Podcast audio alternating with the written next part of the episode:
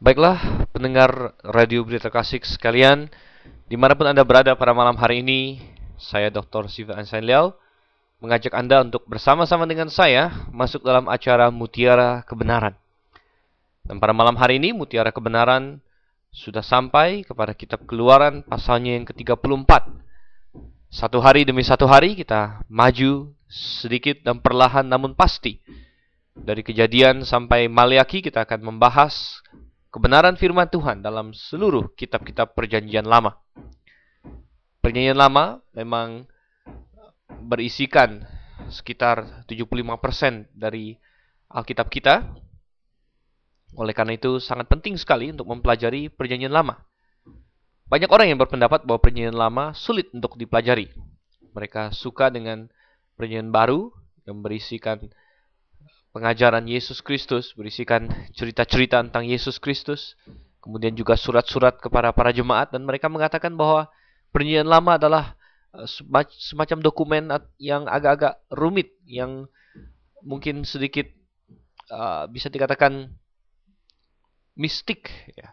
Padahal tidak ada yang seperti itu Saudara. Perjanjian lama adalah firman Tuhan yang jelas jikalau dipelajari sesuai dengan firman Tuhan juga dengan bantuan Roh Kudus.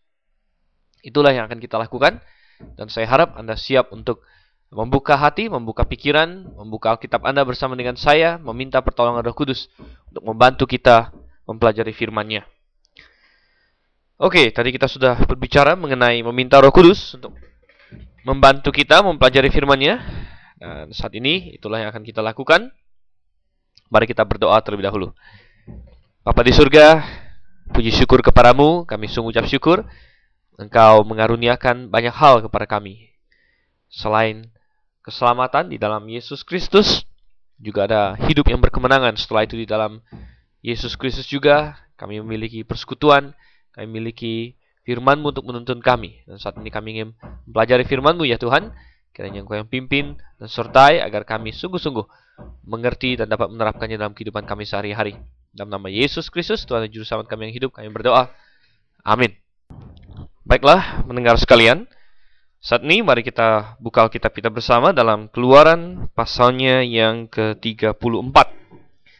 Keluaran pasal yang ke-34, saya ajak kita baca dulu ayat 1 sampai dengan ayat yang ketiga.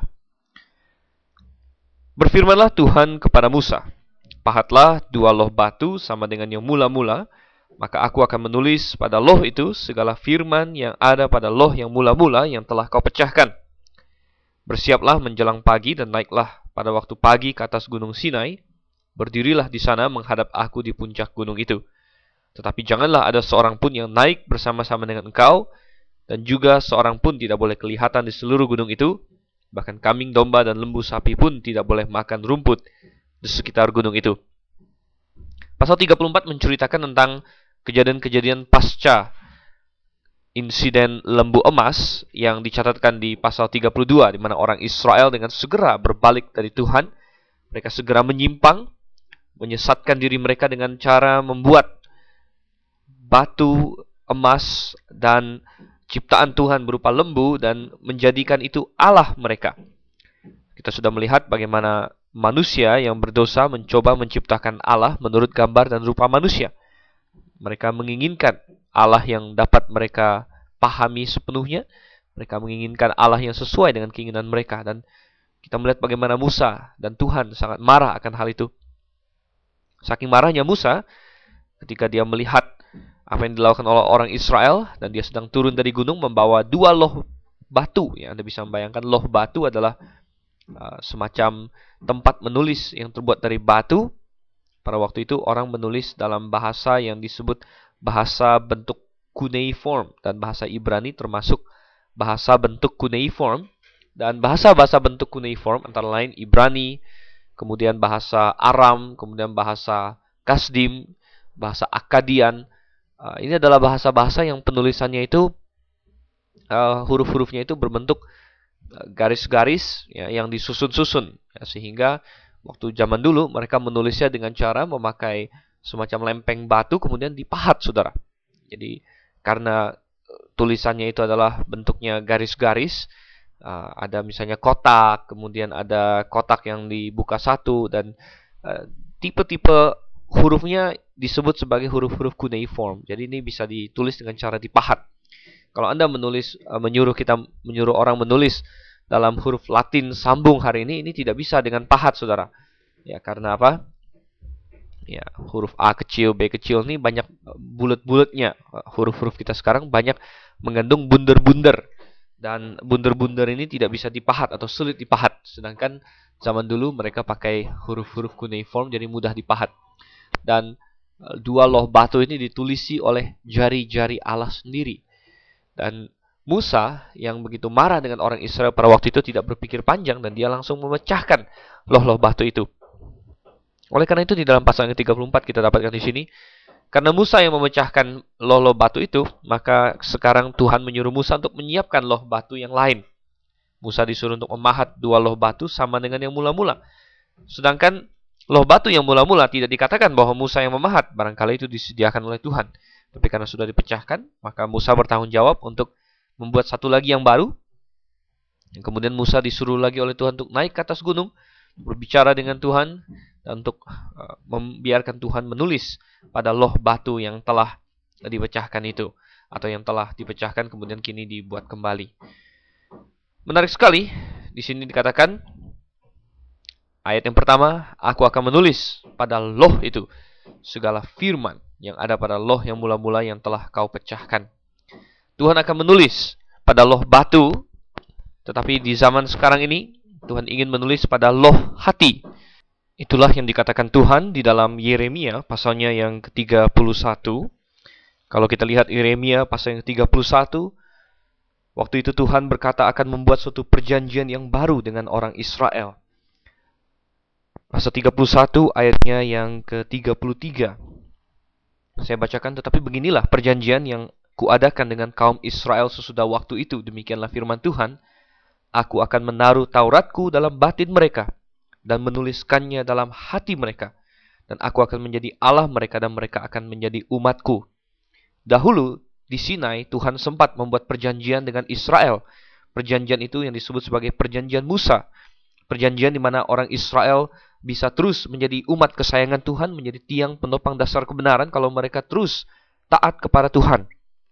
Tetapi janji itu gagal dipenuhi oleh orang Israel. Mereka tidak bisa terus taat kepada Tuhan. Oleh karena itu, di tengah-tengah kesesatan mereka pada zaman Yeremia, di mana mereka sudah dalam jurang kehancuran, sebentar lagi mereka dikalahkan oleh Babilonia dan terbuang. Tuhan berkata, aku akan membuat suatu perjanjian baru dengan umat Israel. Dan dalam perjanjian baru itu, aku akan menuliskan Tauratku, bukan lagi pada loh-loh batu, tetapi dikatakan, aku akan menuliskannya dalam hati mereka. Dan ini akan terjadi suatu ketika Israel akan bertobat kepada Tuhan dan mereka akan berpaling kepada Tuhan yaitu di akhir zaman. Orang-orang Yahudi yang telah menolak Yesus Kristus sebagai Tuhan dan juru selamat Mesias mereka. Mereka akan menyesal dan mereka saat itu akan bertobat. Tetapi sementara itu, Kristus sudah datang dan kedatangan Kristus membuka jalan sehingga orang-orang yang percaya kepada Yesus Kristus, yaitu kita pada hari ini, orang-orang percaya di zaman perjanjian baru. Kita bukan orang Israel, saudara. Kita adalah jemaat lokal kita adalah orang-orang yang uh, percaya kepada Yesus Kristus, kita orang Kristen, maka kita pun mencicipi perjanjian baru yang Tuhan buat dengan Israel. Jadi kalau Anda baca dalam Yeremia pasal 31 ayat yang ke-33 dan seterusnya itu adalah perjanjian Tuhan dengan Israel yang disebut dengan perjanjian baru. Tetapi kita sebagai orang-orang yang percaya Yesus di zaman gereja lokal, kita ikut menikmati perjanjian baru itu karena kita berada di dalam Yesus Kristus. Coba kita buka dalam 2 Korintus pasalnya yang ketiga. 2 Korintus pasal yang ketiga, ayat yang kedua dan yang ketiga. Setiap orang yang percaya kepada Yesus Kristus hari ini pun adalah orang yang dalam hatinya ditulisi dengan firman Allah. Dan kita berbeda dengan orang-orang Yahudi di zaman Musa yang mendapatkan firman dalam bentuk loh batu. Tetapi kita mendapatkannya di dalam hati kita dalam 2 Korintus 3 ayat 2 dan yang ketiga, kamu adalah surat pujian kami yang tertulis dalam hati kami dan yang dikenal dan yang dapat dibaca oleh semua orang. Karena telah ternyata bahwa kamu adalah surat Kristus yang ditulis oleh pelayanan kami, ditulis bukan dengan tinta, tetapi dengan roh dari Allah yang hidup, bukan pada loh-loh batu, melainkan pada loh-loh daging, yaitu di dalam hati manusia.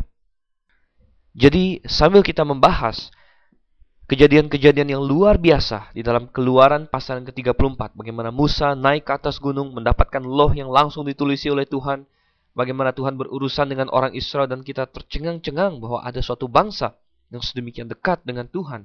Sehingga bisa berurusan langsung dengan Tuhan, diberikan hukum langsung oleh Tuhan. Kita harus ingat bahwa kita pada hari ini memiliki sesuatu yang jauh lebih hebat daripada itu. Bahkan apa yang Musa lakukan di dalam keluaran pasal 34 yang akan kita bahas ini hanyalah bayangan saja dari yang hakikat yang kita miliki. Kalau Musa mendapatkan hukum dalam loh batu, maka kita mendapatkan hukum di dalam loh hati kita. Artinya, ketika kita percaya kepada Yesus Kristus terjadi perubahan yang dahsyat. Dalam Alkitab dikatakan bahwa setiap orang yang ada dalam Kristus adalah ciptaan baru. 2 Korintus pasal 5 ayatnya yang ke-17 setiap orang yang percaya kepada Yesus Kristus adalah ciptaan baru dan ciptaan yang demikian ini memiliki hukum Allah di dalam hatinya. Bukan berarti dia tidak bisa jatuh ke dalam dosa, kita masih hidup dalam daging, masih ada peperangan dengan manusia lama kita. Tetapi kita memiliki suatu kecenderungan, kita memiliki Roh Kudus yang bersaksi dalam hati kita sehingga kita ingin berbuat baik, kita ingin menghasilkan buah-buah roh itu Kembali ke dalam keluaran pasalnya yang ke-34, saudara. Musa bersiap untuk naik, dia ingin melakukan suatu pelayanan yang luar biasa di zaman perjanjian lama, tetapi kita akan lihat nanti bahwa pelayanannya itu hanyalah bayangan dari apa yang akan datang. Oleh karena itu, mari kita lanjutkan lagi ke ayat yang keempat sampai dengan ayatnya yang ketujuh. Ayat yang keempat sampai ayatnya yang ketujuh. Lalu Musa memahat dua loh batu sama seperti atau sama dengan yang mula-mula Bangunlah ia pagi-pagi dan naiklah ia ke atas gunung Sinai seperti yang diperintahkan Tuhan kepadanya dan membawa kedua loh batu itu di tangannya. Turunlah Tuhan dalam awan lalu berdiri di sana dekat Musa serta menyerukan nama Tuhan. Berjalanlah Tuhan lewat dari depannya dan berseru, Tuhan, Tuhan, Allah penyayang dan pengasih, panjang sabar, berlimpah kasih setia, kasihnya dan setianya, yang meneguhkan kasih setianya kepada beribu-ribu orang dan mengampuni kesalahan, pelanggaran dan dosa, tetapi tidaklah sekali-kali membebaskan orang yang bersalah dari hukuman, yang membalaskan kesalahan bapa kepada anak-anaknya dan cucunya, kepada keturunan yang ketiga dan keempat. Untuk kesekian kalinya kita melihat di sini Musa bertemu langsung dengan Tuhan. Dia naik ke atas gunung Sinai dan ketika Tuhan berada di suatu tempat, maka tempat itu sungguh-sungguh menjadi tempat yang spesial, saudara. Oleh karena itu Gunung Sinai juga menjadi tempat yang spesial. Bahkan Tuhan berkata bahwa binatang tidak boleh naik ke atasnya. Tuhan ingin mengajarkan bahwa ada jarak antara Allah yang Maha Kudus dengan dunia yang sudah jatuh ke dalam dosa ini. Oleh karena itu perintah itu begitu menakutkan katanya. Bagaimana tidak boleh ada yang naik ke atas, binatang pun tidak boleh. Kalau naik ke atas gunung itu harus mati. Ini perintah yang menakutkan untuk menggambarkan betapa Allah terpisah dengan manusia yang berdosa, terpisah dengan ciptaan yang berdosa. Namun di tengah pengajaran ini ada satu pengharapan tentunya. Musa sendiri merupakan pengharapan bahwa Musa boleh datang dan mendekati Allah yang demikian berarti bahwa ada cara bagi manusia untuk mendekati Allah dan cara itu akan Tuhan selesaikan sekitar 1500 tahun kemudian dibandingkan dari keluaran pasal 34 ini yaitu di atas kayu salib di Golgota di mana dia membuka dan membelah tabir bait suci sehingga antara Allah yang maha kudus dengan manusia di luar ada jalan masuk yaitu melalui Yesus Kristus. Ini kita dapatkan di sini. Ketika Musa naik ke atas katanya turunlah Tuhan dalam awan Yehova dan kita percaya ini adalah tidak lain Yesus Kristus sendiri. Yesus Kristus adalah Yehova. Allah Bapa adalah Yehova. Yehova adalah nama dari Allah Tritunggal dan dikatakan di sini uh, dia menyerukan nama Tuhan bagi Musa dan menyerukan nama Tuhan. Di dalam perjanjian lama, nama Tuhan yang ditekankan adalah Yehova. Yehova adalah nama perjanjian antara Allah dengan Israel dan dengan nama Yehova yang berarti aku adalah aku. Tuhan ingin menegaskan kepada Israel inilah nama perjanjianku. Aku tidak berubah. Aku adalah aku. Kita tidak bisa berkata aku adalah aku karena aku yang sekarang dengan aku yang satu tahun lagi mungkin berbeda. Itu manusia saudara. Aku yang sekarang sudah jelas berbeda dengan aku yang 10 tahun yang lalu. Itu adalah manusia tetapi Allah bisa berkata aku adalah aku. Dan Eh, Tuhan hari ini sama dengan Tuhan sebelum penciptaan, sama dengan Tuhan seribu tahun yang lalu, sama dengan Tuhan seribu tahun yang akan datang.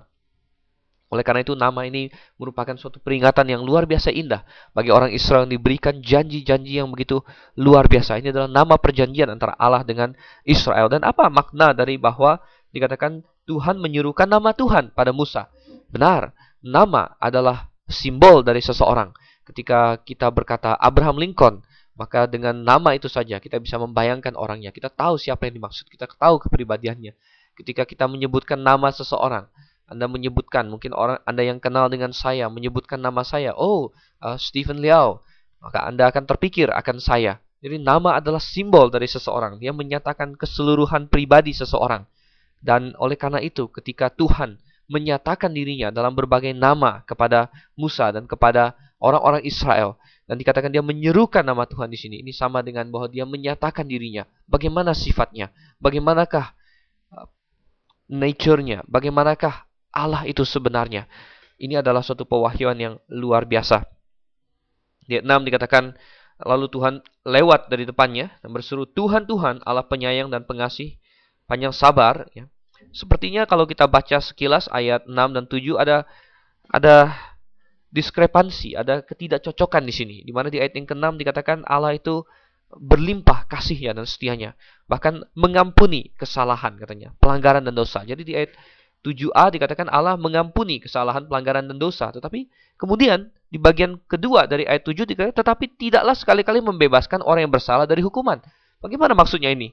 Oh, saudara yang kasih Tuhan, tentu Allah adalah Allah yang penuh kasih setia bagi setiap orang yang mau percaya, yang mau menerima pengampunan dosanya. Benar, dosa adalah uh, sesuatu yang harus diselesaikan. Allah adalah Allah yang maha kasih. Oleh karena itu dikatakan Eh, benar dia mengasihi manusia, tetapi dia juga Allah yang maha adil. Oleh karena itu, tidaklah sekali-kali membebaskan orang yang bersalah dari hukuman. Eh, dia harus menghukum. Terlalu banyak orang melihat Allah sebagai Allah yang maha kasih saja. Allah benar maha kasih, tapi dia bukan maha kasih saja. Dia adalah maha kasih dan maha adil. Kalau kita hanya melihat Allah maha kasih saja, atau doang, atau apa pun uh, slang yang dipakai, maka kita terjebak. Dan kita berpikir Allah yang maha kasih saja ini tidak mungkin uh, menghukum orang ya. Tidak mungkin membinasakan orang tetapi dia lupa bahwa Allah itu maha adil dan dia tidak bisa tidak menghukum dosa. Dan Allah harus menghukum dosa. Dikatakan di sini dia tidak sekali-kali membebaskan orang yang bersalah dari hukuman benar dosa harus dihukum tetapi kenapa di bagian atasnya dikatakan dia mengampuni kesalahan pelanggaran dan dosa dia menyediakan suatu jalan di mana dia bisa tetap adil sekaligus dia dapat mengampuni. Dia bisa tetap uh, menjalankan hukum, maha adil, tetapi dia menyatakan kasihnya. Bagaimana caranya itu? Yaitu dengan dia sendiri berkorban.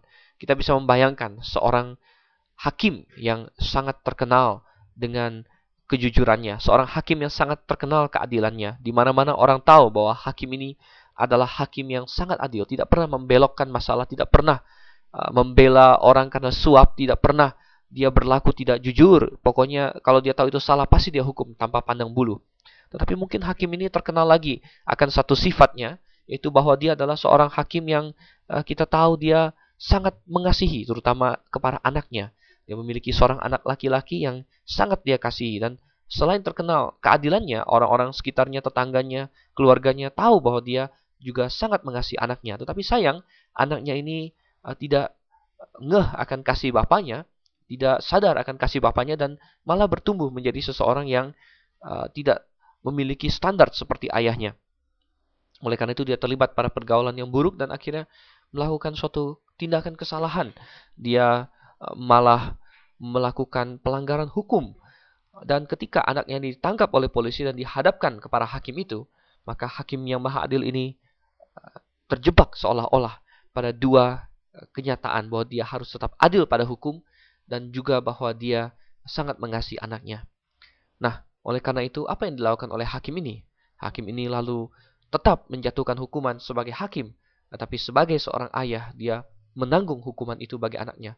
Kalau anaknya itu kena denda karena misalnya melanggar uh, hukum kecepatan di jalan, maka ayahnya itu sendiri yang menjatuhkan vonis bahwa dia harus didenda dengan jumlah yang tidak tanggung-tanggung, saudara, tetapi sesuai dengan harga full sebagaimana ditentukan oleh hukum. Tetapi hakim itu pula yang kemudian menjadi seorang ayah dan membayarkan hukuman itu bagi anaknya. Demikianlah Yesus dan Tuhan bisa dikatakan dia tidak membebaskan orang yang bersalah dari hukuman, tetapi sekaligus bisa dikatakan juga ia mengampuni kesalahan, pelanggaran, dan dosa. Tuhan tidak membebaskan orang yang berdosa dari hukuman. Hukuman tetap dijatuhkan, tetapi karena Allah mengasihi manusia, Dia mengirimkan anaknya yang tunggal Yesus Kristus menanggung hukuman itu, sehingga barang siapa yang percaya kepadanya mendapatkan pengampunan itu. Apakah Anda termasuk di dalamnya, saudara? Sudahkah dosa-dosamu diselesaikan oleh Yesus Kristus?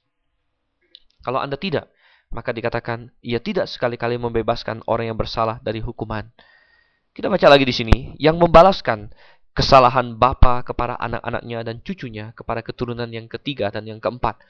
Seolah-olah nampaknya tidak fair, saudara. Bagaimana orang yang bersalah lalu anak cucunya yang kena? Tetapi kita harus mengerti ini dalam konteks yang benar. Kalau kita bandingkan dengan ayat-ayat firman Tuhan yang lain, contohnya di dalam Yehezkiel, saya ajak kita buka sebentar di dalam Yehezkiel, pasalnya yang ke-18, kalau Anda melihat judul perikop di Yehezkiel pasal yang ke-18, dikatakan di situ setiap manusia bertanggung jawab atas dirinya. Bahkan di ayat yang keempat, sungguh semua jiwa aku punya, katanya, baik jiwa ayah maupun jiwa anak aku punya, dan orang yang berbuat dosa itu yang harus mati. Dan kalau kita buka di dalam ayat yang seterusnya, ayat 5 sampai 9, 10 sampai 13, Dikatakan kalau ada ayah yang berdosa, dia harus mati. Kalau anaknya berbuat benar, dia hidup. Jadi seolah-olah dalam Yeskiel 18, setiap orang menanggung dosanya sendiri. Tapi mengapakah di dalam keluaran pasal 34 misalnya dikatakan Allah membalaskan kesalahan bapa kepada anak-anaknya dan cucunya, kepada keturunan yang ketiga dan yang keempat. Seolah-olah tidak fair. Tetapi jangan salah dulu, saudara. Setiap orang memang akan menanggung Nah, kesalahannya sendiri artinya nah, kalau ada orang yang berdosa lalu dia punya anak yang menjadi percaya kepada Tuhan, Tuhan akan tetap menghitung orang yang percaya anaknya itu sebagai orang yang benar. Lalu kalau dia punya anak lagi dan anaknya itu ternyata tidak percaya dan berbuat jahat, maka Tuhan akan menghukum dia. Jadi benar bahwa setiap orang menanggung perbuatannya sendiri. Tetapi bukan itu yang ingin difokuskan dalam keluaran 34. Kalau memang anaknya berbuat salah, maka dia akan dihukum bersama dengan ayahnya ya. Kalau ay anaknya itu bertobat, maka dia akan uh, dianggap sebagai orang benar. Masalahnya adalah ketika seseorang memilih untuk menentang Tuhan, tidak percaya kepada Tuhan, maka ia mewarisi kepada anaknya banyak hal. Anaknya masih memiliki pilihan apakah dia mau bertobat atau tidak, tetapi dia telah mewarisi banyak hal dari ayahnya. Bahwa anak itu menjadi tidak bertobat juga lebih besar. Jadi anak yang tinggal dari antara orang tua yang sudah percaya kepada Tuhan, lebih berkemungkinan untuk juga percaya kepada Tuhan dibandingkan dengan anak yang tidak hidup di lingkungan yang percaya kepada Tuhan. Kita juga bisa melihat bagaimana uh, segala pengalaman di sekeliling kita membuktikan bahwa seseorang bisa membuat keputusan-keputusan yang mempengaruhi bahkan anak cucunya. Ketika seseorang perempuan misalnya ber, berzina, ya, berlaku tidak benar, ya, uh, dia bisa mengeluar, melahirkan seorang anak di luar nikah dan apakah hidup anak itu terpengaruh oleh hal itu? Oh sudah pasti. Ya. Ada orang tua yang melakukan perbuatan tidak benar sehingga terkena penyakit AIDS, anaknya mengidap AIDS dari orang tuanya. Apakah dia terkena? Terkena. Ya. Jadi kita melihat bahwa eh, tindakan seseorang bisa menimbulkan efek kepada anak cucunya bahkan sampai keturunan yang ketiga dan yang keempat sesuai dengan firman Tuhan di sini. Tetapi eh, ini tidak bertentangan dengan Yeskiel 18 di mana anak yang mewarisi segala konsekuensi dari dosa orang tuanya, dia tetap bisa membuat pilihan bahwa saya mau percaya kepada Tuhan, saya mau mengubah semua ini. Dan Tuhan akan menghitung dia sebagai orang yang benar. Dan dia akan bisa, Tuhan mampukan untuk mengatasi segala konsekuensi uh, yang ditimbulkan oleh baik orang tuanya, baik entah dari keturunan yang keberapa. Jadi kita melihat di sini, segala sesuatunya ada keseimbangan yang telah Tuhan taruh di dalamnya. Baik, kita lihat sekarang ayatnya yang ke-8 sampai ayatnya yang ke-17. Ayat yang ke-8 sampai dengan ayat yang ke-17. Segeralah Musa berlutut ke tanah lalu sujud menyembah serta berkata, "Jika aku telah mendapat kasih karunia di hadapanmu ya Tuhan, berjalanlah kiranya Tuhan di tengah-tengah kami, Sekalipun bangsa ini suatu bangsa yang tegar tengkuk, tetapi ampunilah kesalahan dan dosa kami, ambillah kami menjadi milikmu. Firmannya, Sungguh, aku akan mengadakan suatu perjanjian di depan seluruh bangsamu ini akan kulakukan perbuatan-perbuatan yang ajaib seperti yang belum pernah dijadikan di seluruh bumi di antara segala bangsa. Seluruh bangsa yang di tengah-tengahnya engkau diam akan melihat perbuatan Tuhan. Sebab apa yang akan kulakukan dengan engkau sungguh-sungguh dahsyat.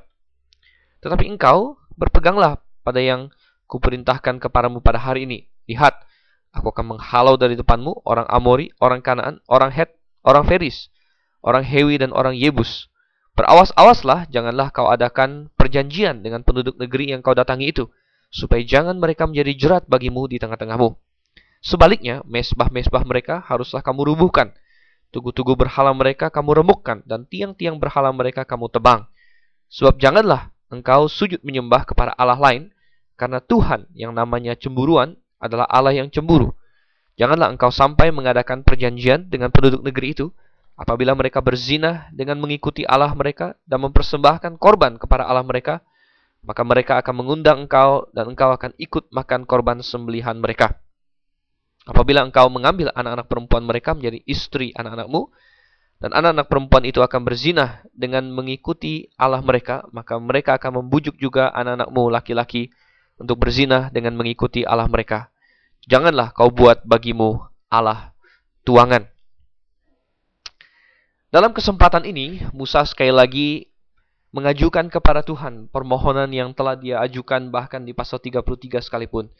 Dia ingin Tuhan tetap beserta dengan orang Israel. Karena sebelum insiden lembu emas di Gunung Sinai itu, tadinya Tuhan bersama dengan mereka di dalam tiang awan dan tiang api yang menyertai mereka. Tetapi setelah mereka menentang dan berbalik dari Allah, membuang Tuhan yang adalah juru selamat mereka dan berpaling kepada eh, kesia-siaan berupa lembu emas itu. Tuhan sempat mengancam bahwa dia tidak akan lagi pergi bersama orang Israel, namun hanya akan mengutus seorang malaikat. Tetapi Musa berdoa dan berdoa dan permohonannya itu begitu berkuasa dan Tuhan mendengarkan dia bahwa Tuhan, jangan Tuhan, kami tidak mau pergi kalau engkau tidak beserta dengan kami. Dengan mana lagi kami bisa tahu kami memperoleh kasih karunia daripadamu? Dan di sini pun Musa memberikan suatu uh, istilahnya pengajuan atau permohonan yang sama. Dan menarik sekali, Musa tidak mengajukan permohonan ini atas dasar kehebatan dirinya atau kehebatan bangsa Israel. Dia tidak berkata, Tuhan, ikutlah bersama kami, kami bangsa yang hebat, kami bangsa yang uh, akan kau dapat sayangi. Tidak. Dia sadar betapa bangsa Israel benar adalah bangsa yang tegar tengkuk. Dan dia mengakui itu, Tuhan kami memang parah, kami memang uh, luar biasa kacau, tetapi kasih karuniamu Tuhan, itulah yang kami minta. Ampunilah dosa-dosa kami, katanya. Ambillah kami menjadi milikmu. Ketika kita datang kepada Tuhan, dengan kekuatan, dengan jasa-jasa kita sendiri, kita mencoba membeberkannya kepada Tuhan. Tuhan, kau harus memberkati aku karena aku ini begini, begini, begini. Dan kita menyajikan kehebatan-kehebatan kita. Kita meminta kepada Tuhan berdasarkan kekuatan kita. Maka perhatikan apa kata Alkitab bahwa kebaikan kita, kesalehan kita seperti kain kotor di hadapan Tuhan. Kita tidak memiliki apa-apa untuk dibanggakan di hadapan Tuhan. Tetapi kita berhasil ketika kita berkata, Tuhan, saya tidak layak. Layakkanlah saya. Tuhan, saya tidak mampu. Tuhan, ampunilah saya. Tuhan, saya tidak tidak uh, pantas untuk ini. Tetapi kasih karuniamu Tuhan kiranya atas diriku. Dan itu adalah hal yang disenangi oleh Tuhan. Akhirnya, di ayat 10 sampai ayat yang ke-16, kita lihat di sini bagaimana Tuhan mengabulkan permintaan dari Musa dan dia berkata, oke, okay, oke, okay, baik. Dan aku akan membuat perjanjian. Tuhan uh, menegaskan kepada orang Israel, baik. Tapi saya ingin kalian memperhatikan hal-hal berikut dengan sangat teliti. Mengapa? Karena uh, ketika Tuhan beserta dengan mereka, maka itu adalah suatu perbuatan yang ajaib katanya. Dan di seluruh depan Israel Tuhan akan membuat perbuatan-perbuatan yang ajaib seperti yang belum pernah dilakukan. Sebenarnya mereka sudah melihat hal-hal itu. Tulah-tulah di Mesir adalah hal-hal yang ajaib. Membelah Laut Merah dan berjalan tengah-tengah uh, daratan, padahal di tengah-tengah laut itu adalah hal yang luar biasa yang tidak pernah terjadi pada bangsa-bangsa lain. Uh, namun Tuhan menjanjikan kalau Israel tetap taat kepadanya, mereka akan melihat hal-hal seperti itu lebih dan lebih lagi.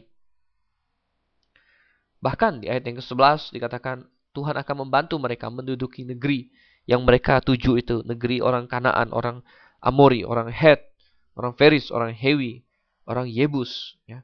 Tetapi mereka harus mengingat beberapa hal. Yang pertama, di ayat yang ke-15 dikatakan mereka jangan mengadakan perjanjian dengan bangsa-bangsa itu. Mengapa? Perjanjian berarti Israel telah menerima mereka sebagai orang-orang tetangga-tetangga mereka dan Tuhan tahu bahwa mereka ini harus dihancurkan, dimusnahkan. Nah, banyak orang liberal tentunya menyerang Alkitab dan menyerang orang-orang Yahudi, menyerang kekristenan dengan berkata, lihat ini adalah hal yang tidak benar, yang memusnahkan bangsa-bangsa lain. Tetapi saudara, Eh, kita harus melihatnya dari sudut pandang Tuhan bahwa Tuhan telah memberikan waktu bagi bangsa-bangsa ini untuk bertobat. Dan bahkan ketika orang Israel maju ke tanah mereka pun mereka masih memiliki waktu untuk bertobat. Bukan berarti mereka tidak bisa bertobat. Rahab contohnya, seorang Kanaan yang bertobat dan dia bergabung masuk ke dalam Israel. Bahkan Tuhan menjadikan dia sebagai nenek moyang Mesias. Jadi bukan Tuhan membenci bangsa-bangsa itu, Tuhan memberikan kesempatan bagi mereka untuk bertobat. Mereka tolak, mereka tolak. Akhirnya penghakiman Tuhan datang melalui bangsa Israel dan mereka pun masih punya kesempatan untuk berbalik dan bertobat dan bergabung dengan bangsa Israel.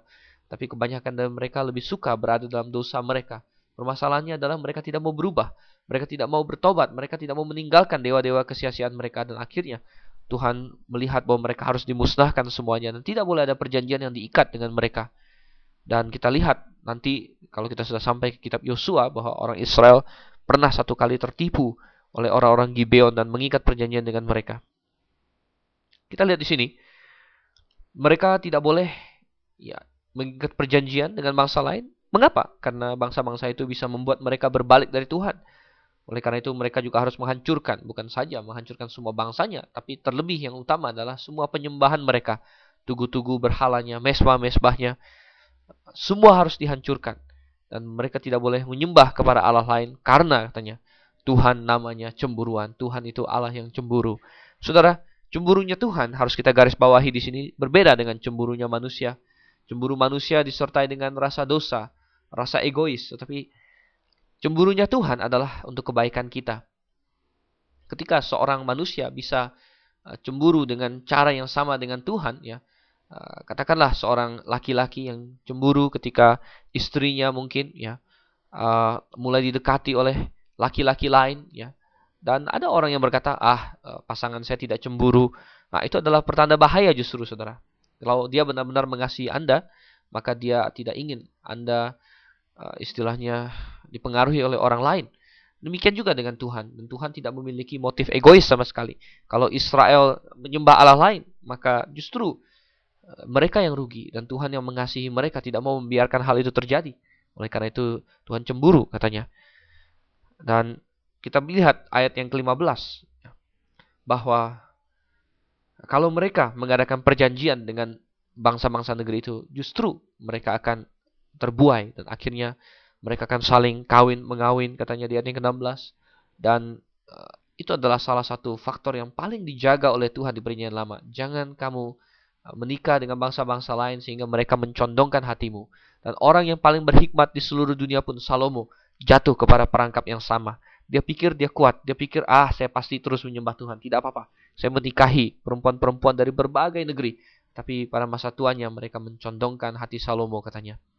Banyak anak Tuhan hari ini orang-orang Kristen berpikir, ah tidak apa-apa saya menjalin hubungan dengan orang dari agama lain, orang yang tidak percaya, ataupun orang Kristen namun yang orang Kristen KTP saja, tidak apa-apa katanya. Saya akan menangkan dia, tidak semudah itu saudara. Dan Tuhan mewanti-wanti, justru yang terjadi adalah sebaliknya bahwa orang-orang itu akan mencondongkan hatimu uh, lari daripada Tuhan. Coba kita lihat sekarang ayatnya yang ke-18 hingga ayatnya yang ke-26. Ayat 18 hingga ayat yang ke-26 dari Keluaran pasalnya yang ke-34. Hari raya roti tidak beragi haruslah kau pelihara. Tujuh hari lamanya engkau harus makan roti yang tidak beragi seperti yang kuperintahkan kepadamu pada waktu yang ditetapkan dalam bulan Abib, sebab dalam bulan Abib itulah engkau keluar dari Mesir. Segala apa yang lahir terdahulu dari kandungan, akulah yang empunya, juga segala ternakmu yang jantan, anak yang lahir terdahulu dari lembu atau domba. Tetapi anak yang lahir terdahulu dari keledai haruslah kau tebus dengan seekor domba. Jika tidak kau tebus, haruslah kau patahkan batang lehernya. Setiap yang sulung dari antara anak-anakmu haruslah kau tebus. Dan janganlah orang menghadap kehadiratku dengan tangan hampa. Enam harilah lamanya engkau bekerja, tapi pada hari yang ketujuh haruslah engkau berhenti. Dan dalam musim membajak dan musim menuai, haruslah engkau memelihara hari perhentian juga. Hari raya tujuh minggu, yakni hari raya buah bungaran dari penuaian gandum, haruslah kau rayakan. Juga hari raya pengumpulan hasil pada pergantian tahun. Tiga kali setahun, segala orangmu yang laki-laki harus menghadap kehadirat Tuhanmu, Tuhan Allah Israel. Sebab aku akan menghalau bangsa-bangsa dari depanmu dan meluaskan daerahmu. Dan tidak tiada seorang pun yang akan mengingini negerimu apabila engkau pergi untuk menghadap kehadirat Tuhan Allahmu tiga kali setahun. Janganlah darah korban sembelihan yang kepadaku kau persembahkan beserta sesuatu yang beragi, dan janganlah ada dari korban sembelihan pada hari raya Paskah bermalam sampai pagi. Yang terbaik dari buah bungaran hasil tanahmu haruslah kau bawa ke dalam rumah Tuhan Allahmu. Janganlah engkau masak anak kambing dalam susu induknya. Kita melihat di sini, saudara, Tuhan kembali mengingatkan orang Israel akan beberapa istilahnya hukum-hukum uh, kunci, ya, hal-hal yang harus mereka ingat. Dan ini semacam sinopsis dari berbagai macam yang harus mereka ingat, terutama dalam hal seremonial. Antara lain, mereka harus ingat tentang hari raya, berbagai hari raya. Ada tiga hari raya utama, di mana setiap orang Israel harus menghadap. Kita baca. Dan setiap orang Israel berumur 12 tahun ke atas harus ikut ke Yerusalem merayakan hari-hari itu. Itulah yang kita baca ketika Yesus berumur 12 tahun pergi ke bait suci. Mereka sedang menjalankan hukum ini. Hari raya yang paling besar bagi orang Israel adalah hari raya roti tidak beragi yang sama dengan Paskah. Jadi Paskah pada hari uh, pada hari Minggunya atau sebenarnya bukan hari Minggu mereka, Paskah adalah pada tanggal 14 uh, Nisan kalau kita, kita merayakan Paskah yang berbeda, saudara. Kita bukan merayakan Paskah Yahudi, kita merayakan uh, Paskah lewatnya kematian Yesus Kristus dan kebangkitannya. Nah, sedangkan mereka memperingati Paskah yang berarti lewatnya malaikat maut dari rumah-rumah mereka di Mesir. Dan itu dirayakan 14 Nisan. Kemudian setelah itu dari tanggal 15 sampai tanggal 21 adalah Hari Raya Roti Tidak Beragi. Dan itu semua harus dirayakan. Ragi melambangkan dosa. Dalam Alkitab dan eh, setelah kita sudah bahas panjang lebar di sepanjang kitab keluaran ini, setelah orang-orang diselamatkan, dilambangkan dengan Paskah, penyembelih anak domba, maka mereka seharusnya masuk ke suatu hidup yang menjauhi dosa. Hari raya roti tidak beragi. Dan ragi selalu dilambangkan dengan dosa oleh Yesus, oleh Tuhan, dan semua persembahan kepada Tuhan tidak boleh ada ragi katanya. Ini adalah suatu hukum yang harus dipegang oleh mereka karena ragi melambangkan dosa. Ayat 19 sampai 20 Tuhan mengingatkan bahwa semua yang dimiliki orang Israel adalah milik Tuhan sebenarnya dan Tuhan ingin menarik yang sulung dari mereka. Hingga semua yang sulung adalah milik Tuhan. Bukan berarti yang lain bukan milik Tuhan, yang lain milik Tuhan juga, tapi Tuhan ingin yang sulung ini diberikan kembali kepada Tuhan, sedangkan yang lain ini Tuhan suruh kita pakai dengan cara yang bertanggung jawab. Ini sama seperti isu persepuluhan ya. Ada orang yang salah kaprah berpikir bahwa 10% milik Tuhan dan 90% terserah saya. Sebenarnya bukan demikian juga, saudara. 100% milik Tuhan.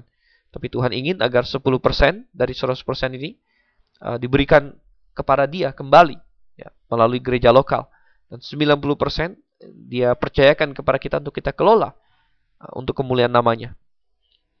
Jadi demikian juga di sini katanya, semua yang sulung harus dipersembahkan kepada Tuhan kalau tidak mau dipersembahkan harus ditebus dengan yang lain. Ya. Jadi kalau ada ternak yang lahir, maka itu dipersembahkan kepada Tuhan. Kalau itu keledai, harus diganti dengan domba. Ya. Mengapa? Karena keledai ya tidak tidak bisa di untuk korban sembelihan, korban persembahan. Mungkin ada yang berkata kalau begitu orang Israel termasuk bangsa yang sangat boros. Ya. Mereka dikit-dikit mempersembahkan kepada Tuhan. Ya, tetapi kita harus melihatnya dalam konteks juga bahwa uh, sebenarnya binatang yang dipersembahkan ini bukan lalu terbuang ya. Uh, binatang yang dipersembahkan kepada Tuhan ini selain lemak-lemaknya yang dibakar dan sebagainya, bagian-bagian tertentu dibakar di hadapan Tuhan, yang sisanya tetap dimakan. Dimakan oleh imam, oleh rakyat juga yang mempersembahkan sehingga tidak bisa dikatakan bahwa ini adalah suatu hal yang uh, boros juga ya, melainkan setiap kali ada persembahan itulah, ada sembelihan itulah mereka makan daging ya. Jadi kita lihat di sini kalau anak laki-laki tentu tidak bisa di, dibunuh ya, melainkan harus ditebus dengan uh, domba. Demikian juga anak perempuan harus di, harus ditebus ya. Dan ayat yang ke-21 sampai ayat yang ke-26 Tuhan mengingatkan berbagai hal seremonial di sini mengenai hari Sabat, ya. mengenai juga uh, hari raya kedua, kedua yang harus mereka jalani yaitu hari raya tujuh minggu. Itu ini hari raya Pentakosta. Belakangan kita tahu ya, yaitu Pentakosta artinya 50, 50 hari, 7 minggu, 49 hari. Jadi pada hari ke-50 ada hari raya ini. Kemudian ada juga uh, hari raya apa Saudara?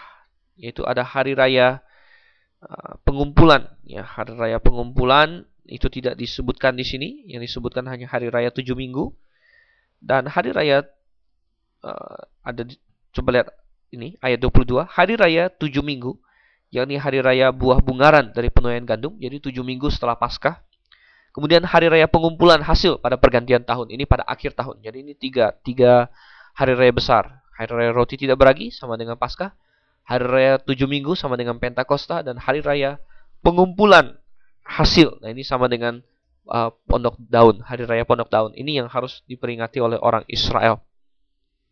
Dan Tuhan mengatakan bahwa ketaatan mereka akan berhubungan dengan bagaimana Tuhan menyertai mereka dalam segala peperangan mereka. Dan kalau mereka taat, maka Tuhan akan menghalau katanya semua musuh mereka dari hadapan mereka.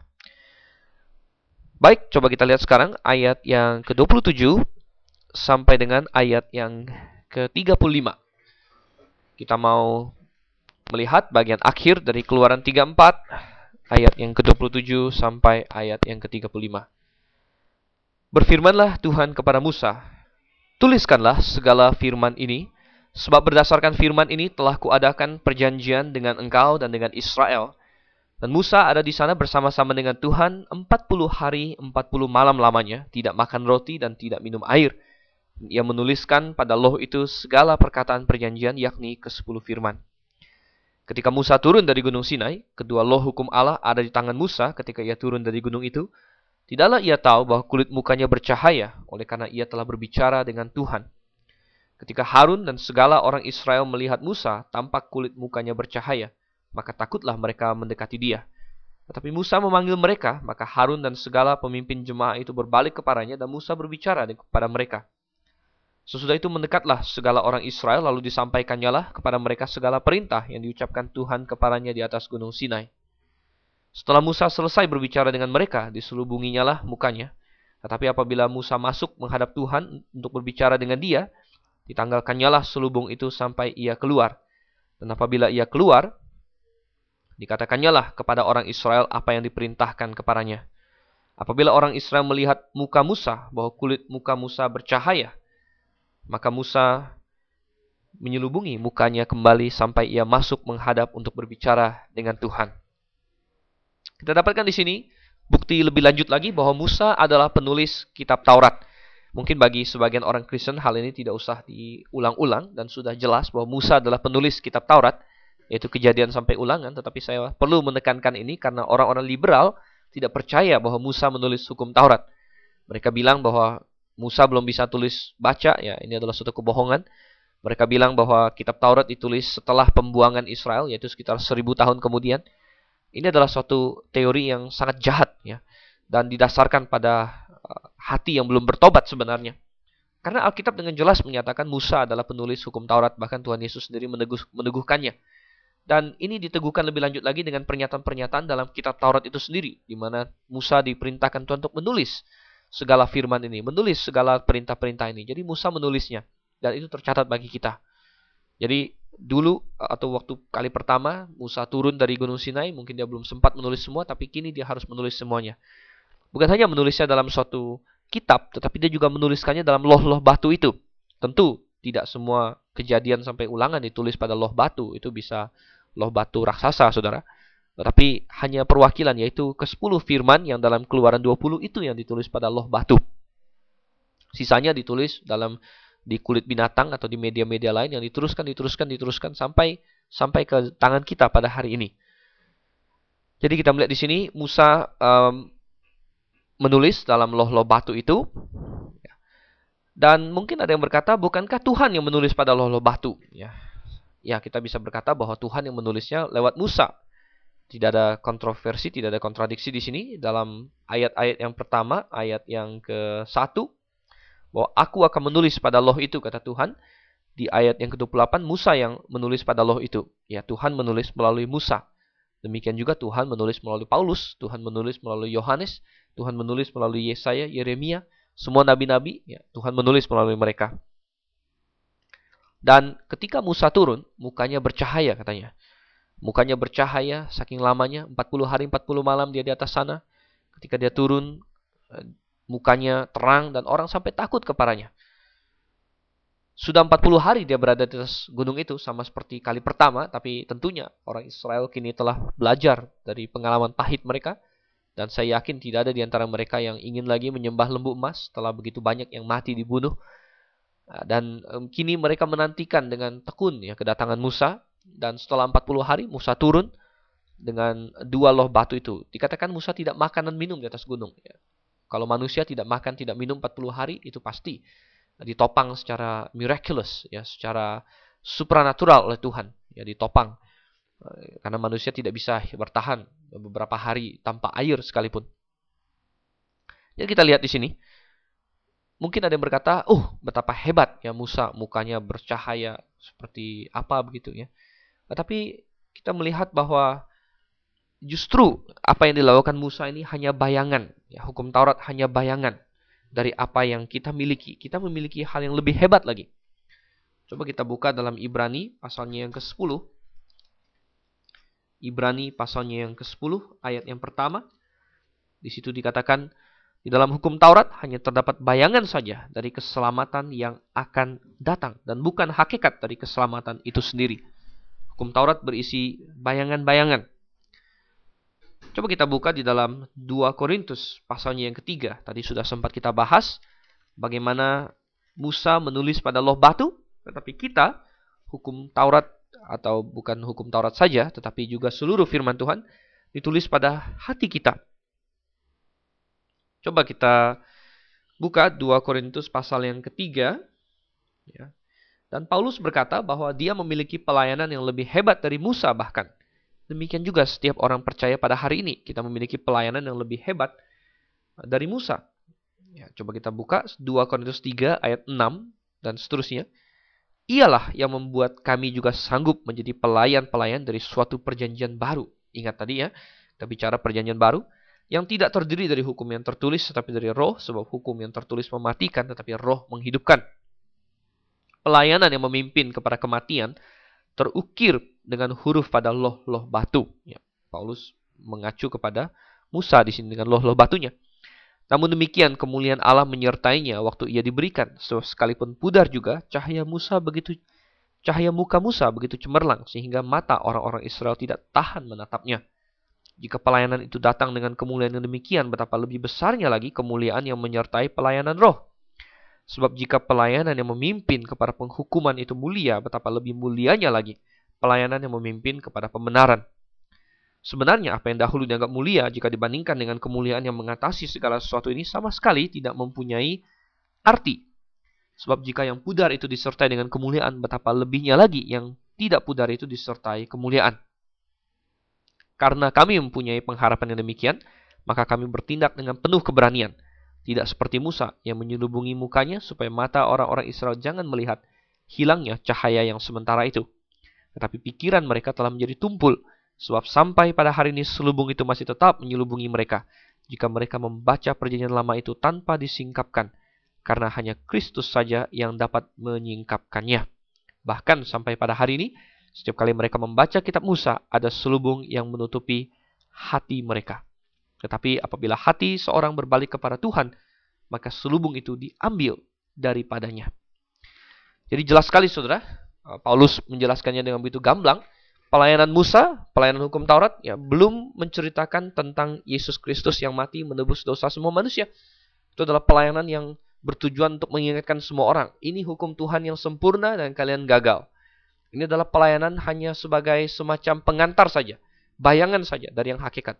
Dan kalau itu saja sudah mulia, apalagi pelayanan kita untuk memenangkan orang-orang kepada Kristus pada hari ini. Muka Musa bercahaya, tapi hanya sebentar saja. Dan pudar juga. Dan Musa katanya memakai selubung, ya selain ketika supaya orang Israel tidak takut pada dia, tapi juga ada fungsi kedua, yaitu supaya ketika cahaya itu pudar mereka juga tidak tahu. Dan sulubung itu dipakai sebagai simbol ketidakmengertian orang Israel dan orang-orang yang belum percaya akan firman Tuhan. Tetapi saudara yang kasih Tuhan, mungkin ada yang berkata bagaimana dengan pelayanan sekarang? Kemuliaan apa yang ada padanya? Muka Musa bercahaya, bagaimana dengan muka saya? Oh saudara, dikatakan ayat di keluaran 34, ayat yang 29. Kulit mukanya bercahaya oleh karena ia telah berbicara dengan Tuhan. Saya mengatakan bahwa hari ini setiap orang yang dekat, yang berkomunikasi dengan Tuhan pun, dia akan bercahaya. Dia akan bercahaya dengan cahaya kesaksian hidupnya.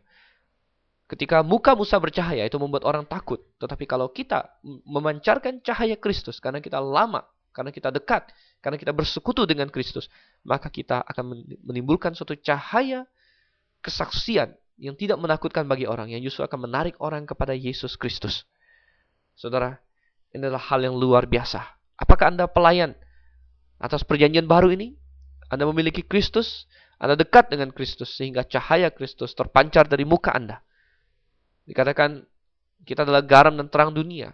Dalam Matius pasal 5 dikatakan biarlah cahaya kita uh, terpancar sedemikian rupa sehingga kita uh, membuat orang lain memuliakan Bapa yang di sorga. Supaya tidak bingung-bingung, saya bukakan saja dalam Matius pasal 5 ayat yang ke-16. Matius 5 ayat 16, demikianlah hendaknya terangmu bercahaya depan orang, supaya mereka melihat perbuatanmu yang baik, dan memuliakan Bapamu yang di sorga. Bagaimana caranya supaya cahaya kita bersinar terang? Kalau kita berbicara dengan Tuhan dekat, kalau kita dekat dengan Tuhan, kita akan memancarkan cahayanya. Baiklah kita seperti Musa, setia dalam pelayanan yang diberikan kepada kita. Musa setia dalam pelayanannya, kita pun baiklah setia dalam pelayanan kita, maka kita pun akan bercahaya bagi Kristus. Saya Dr. Einstein Liao, undur diri dulu dari hadapan Anda. Sampai jumpa sesi berikutnya. Selamat malam. Maranatha.